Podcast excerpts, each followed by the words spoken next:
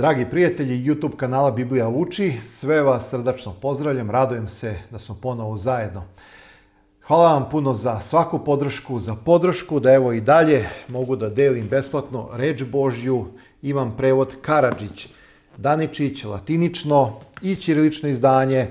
Radujem se posebno što dajete podršku da i dalje mogu deliti i novi srpski prevod, imate manji format, veći ovaj plavi, zaista ima velika slova, namenjen je za ljude koji imaju slabiji vid.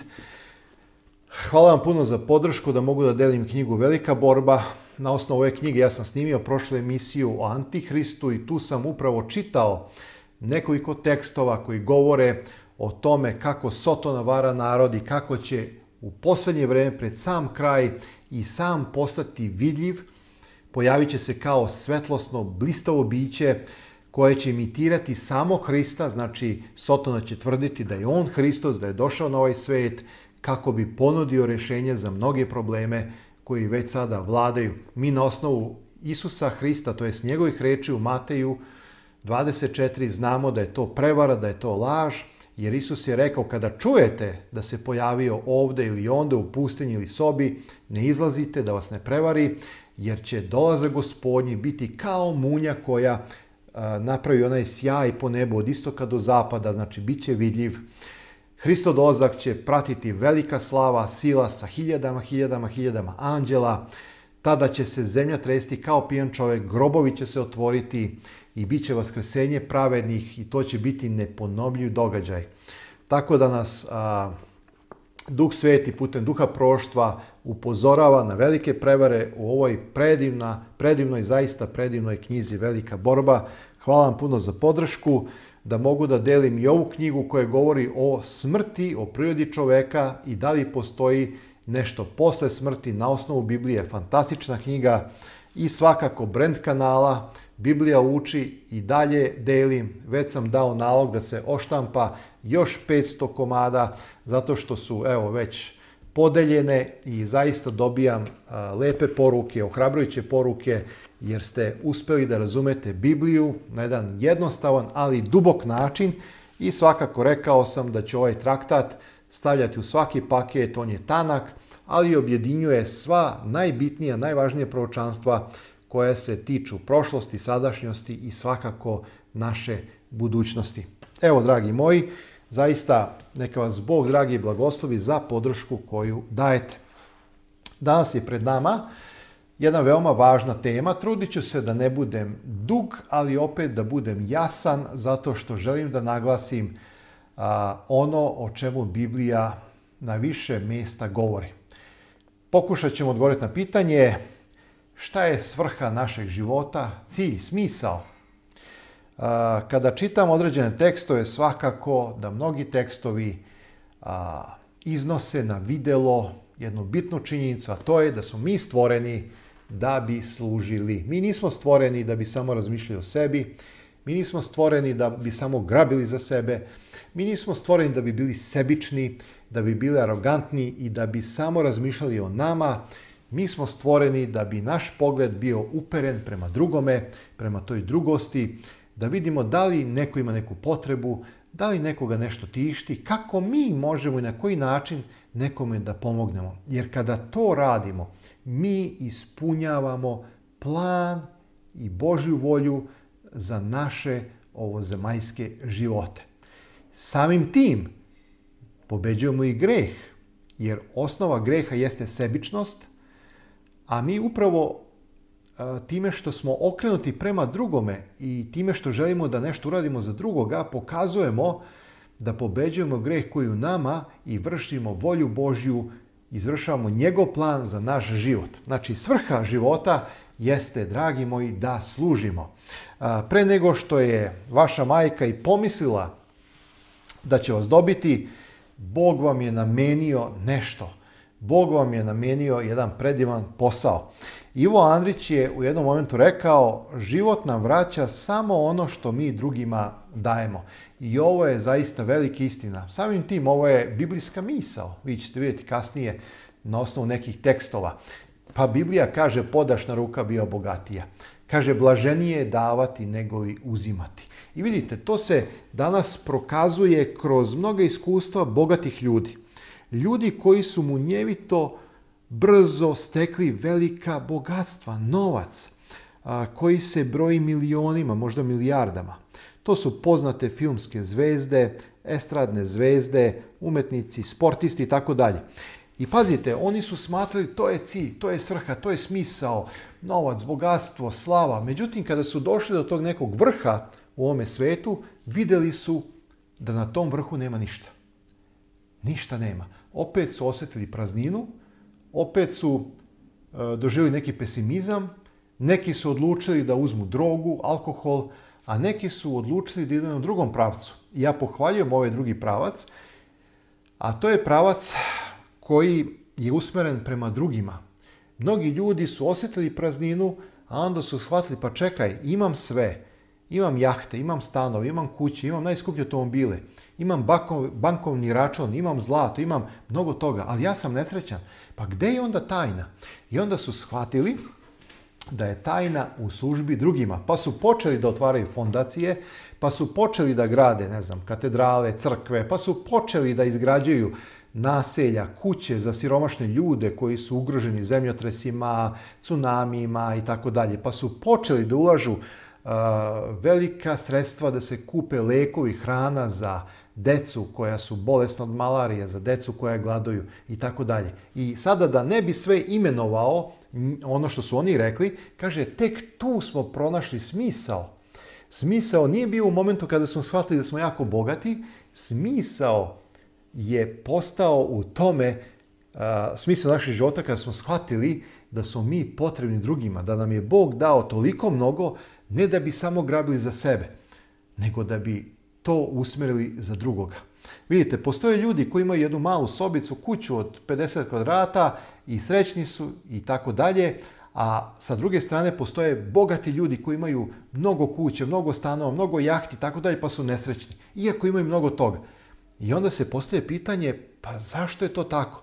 Zar je moguće da novac ne daje tu radost za koje smo mi mislili da, da daje. Pa tačno je, ne daje, zato što je smisao nas koji smo stvoreni od Boga ne da grabimo samo za sebe, nego da sebe usmerimo drugima. Gandhi je rekao, fantastična jedna misao, kaže najbolji način da pronađete sebe jeste da se izgubite u služenju drugima. I to se uklapa u njegovu drugu misao koju je rekao, kaže moj život je moja poruka. Znači, taj život koji ja živim, to moje odricanje, ta moja skromnost i tako dalje, šta god to bilo, kaže, to je moja poruka. Tako da evo i ovi koji su izuzetno bogati, kada su stekli to bogatstvo, osjetili su da su prazni, da su jadni, da su bedni, šta više, da su nesrećni i da su bili mnogo srećniji kada su imali samo 100 funti u zadnjem džepu farmerki, izdranih farmerki. I onda su se pitali gdje je problem. Da li ću sada da, da tražim radost u drogi, u alkoholu. Nažalost, mnogi su krenuli tim putem pa ih više nema ili su totalno uništili svoj život ili su zaradili sidu i tako dalje. Ali evo, postoje neki koji su shvatili da je smisao davanje sebe drugima. To je Božja volja, to je Božji plan. I evo da, dragi moji, e, prođemo kroz e, prođemo kroz neke tekstove. Pre nego što uđemo u sam biblijski tekst, Evo, spomenuo sam e, Ivo Andrića, spomenuo sam Gandija. Dozvolite da vam pročitam i misli Muhameda Alija, znači poznatog e, boksera, koji je rekao Služenje drugima je stanarina koju plaćate za svoj stan ovdje na zemlji. Znači, služenje drugima je stanarina za stan koji plaćate ovdje na zemlji. Zaista, zaista duboka misao kad onako malo sednete i razmislite. Kako ti i ja možemo sebe dati drugima? Kako mi možemo služiti drugima i ispuniti taj plan koji u Bogu i imati svrhu života? Svakako, Bog nas je osposobio. Tu su duhovni darovi. Apostol Pavle u Efesima 4.7 kaže, a svakome od nas data je milost kako je Hristos kome podario. Znači, svakome od nas date je milost. Bog nam daje darove da bi nam pomogao u radu za druge, oni nisu za našu izgradnju, već za pomaganje onima za koje radimo. Svakako to utiče na naš karakter, mi se oblikujemo, a to obogađuje naš karakter, ali prvenstveno darovi su nam dati da bi služili drugima.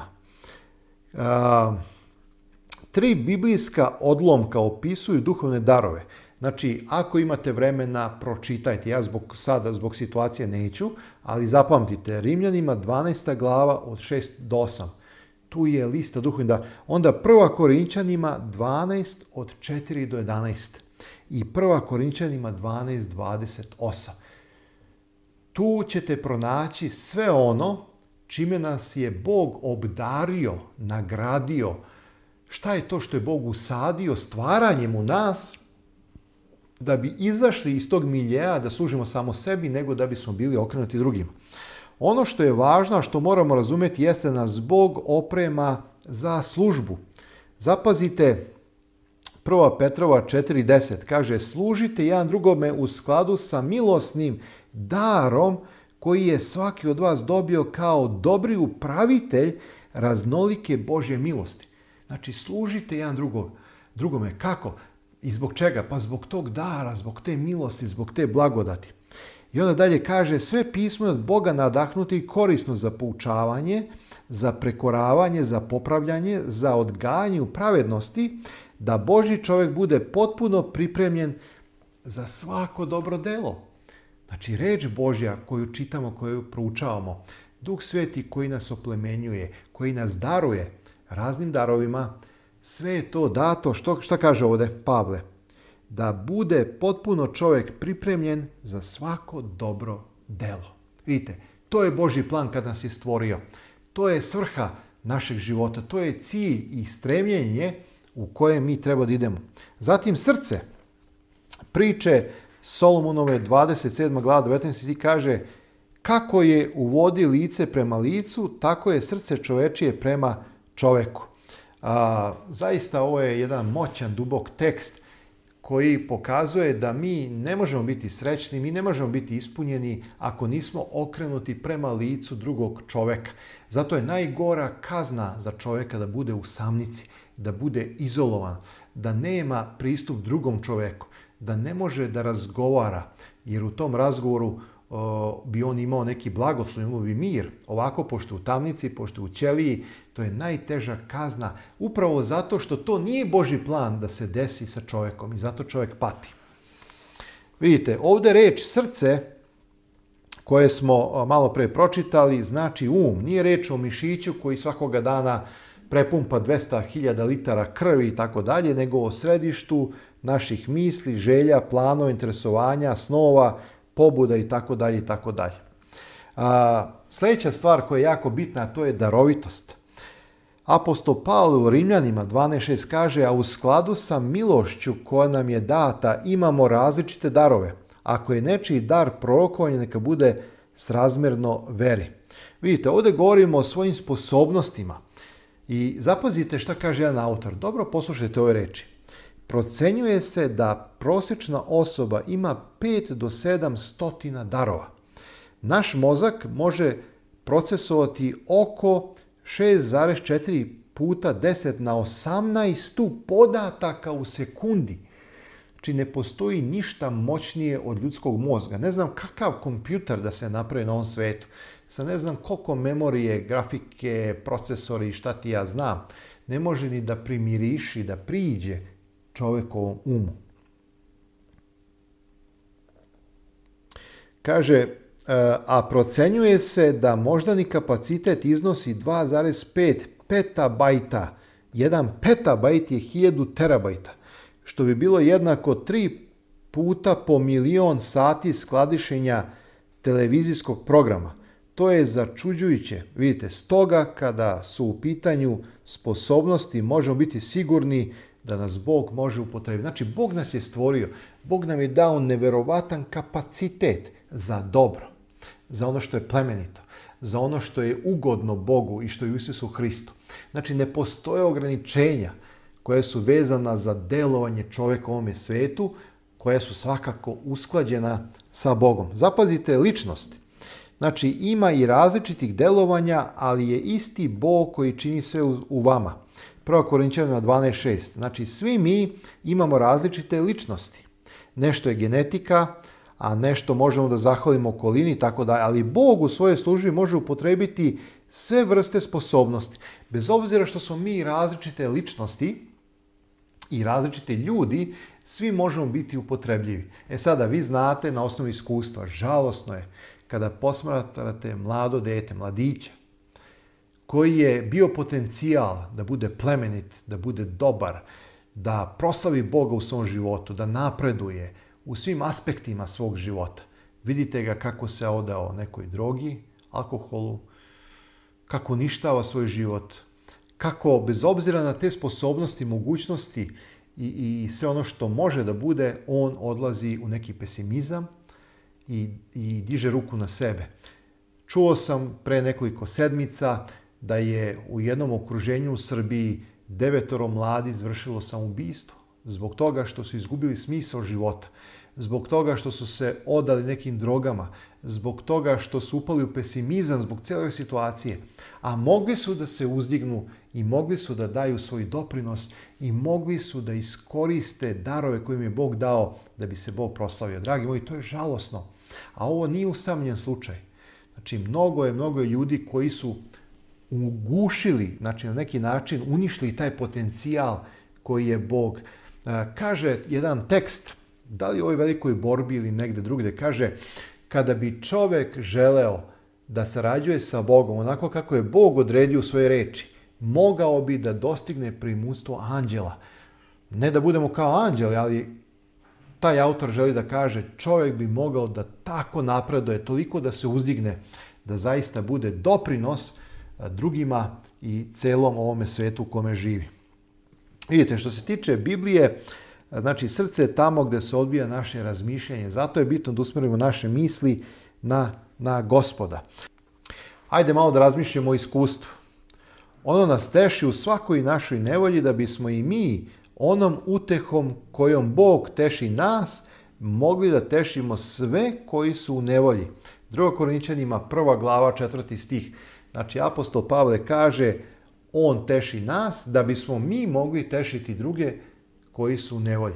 Znači, ako osjetimo da Bog teši nas, nemojmo biti sebični da taj blagoslov, tu radost, taj mir zadržimo samo za sebe, nego to iskustvo koje smo imali sa Bogom kroz njegovo tešenje usmerimo ka drugome i tešimo e, druge. Pavle u 1. Korinčima 12.4.5 kaže ima različitih milosnih darova, ali je duh isti i različitih služenja, ali je gospod isti.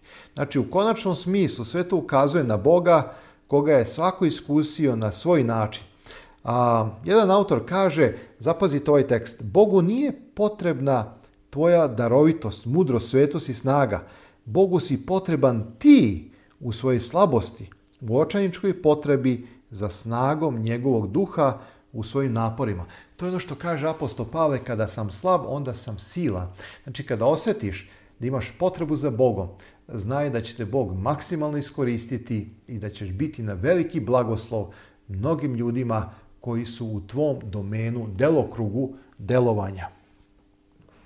I evo za kraj, e, dozvolite da pročitam ono u čemu sve ovo ima smisla, a to je ljubav koja pokreće naše delovanje. Znači sve ovo o čemu sam govorio, treba da bude motivisano ljubavlju. Ljubav je motiv koji je ispravan pred Bogom i on će sve ono što radimo iz ljubavi prihvatiti. Ako radimo opet iz sebičnih, interesnih pobuda, onda to nema neki veliki smisao. Rimljanima 12. glava od 9 do 18 kaže i sa ovim mislima, dragi moji, ću završiti ovo moje kratko proučavanje sa vama. Ljubav neka bude nelicemerna. Gnušajte se zla, držite se dobra, volite jedan drugoga bratskom ljubavlju, poštujte jedan drugoga više nego sebe. U revnosti ne posustajte, u duhu budite puni žara, gospodu služite.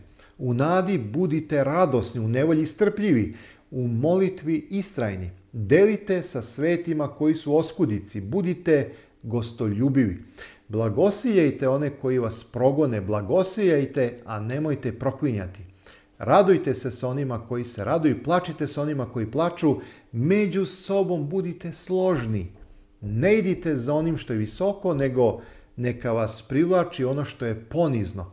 Ne budite uobraženi, nikome ne vraćajte zlo za zlo. Pazite da činite ono što je dobro u očima svih ljudi, ako je moguće, koliko od vas zavisi, živite u miru sa svim ljudima. I evo, dragi moji, nije teško da se zapazi da ovaj tekst je apsolutno vezan za odnos prema drugome. Znači, ništa tu nije vezano samo za mene kao pojedinca, nego sve ovo što smo čitali se odnosi na naš zajednički e, društveni život, na našu okrenutost prema potrebi drugoga i kako na najbolji način da moj život usreći drugoga. Time ćemo proslaviti Boga, jer nas je Bog stvorio za zajedništvo. U ovim rečima, ako ih sprovodimo, se pokazuje da li smo Hristovi ili nismo. Znači, mi možemo pričati i rečima pokazivati da li jesmo vernici ili nismo. Ali u ovim tekstovima, kroz vršenje, delanje ovih tekstova, mi u stvari otkrivamo našu poziciju. Dragi moji, tako se usavršavamo, tako rastemo u gospodu i tako raste naša vera. Iznad svega tako proslavljamo Boga. Evo, to je ono što sam želeo da podelim sa vama. Svrha našeg života jeste služba. To nije sramota, to nije razumevanje onako kako ovaj svet razume, slugu ili služenje, pa sam Isus Hristos je bio dulos na grčkom sluga, slugama, kaže ponizio se do same smrti, a smrti na krstu. Ili kad ja, gospod i učitelj, oprah vama noge i vi ste dužni jedan drugome prati noge, ja ostavih ugle i tako da Sećate se tih reči. Kaže, kad ja, gospod i učitelj, to sam učinio. Isus je primjer svakome od nas u ovoj temi kao i mnogim drugima. Isus je u centru jer iz njega proizilazi svaka mudro, svaka istina koju smo danas proučavali. Svakom dobro želim. Još jednom vi koji ste iz Kisača, se, nestrpljivo čekam veče kada ćemo biti zajedno. Molite se jedni za druge, molite se, dragi moji prijatelji, braći i sestre, za reč Božju koja se propoveda da dođe do što više ljudi, dok su ljudi živi, dok su ljudi zdravi, da mogu spoznati istinu da bi se spasili. Jer samo istina u Isusu Hristu oslobađa od greha, od laži i vodi u život večni. Svakom dobro želim.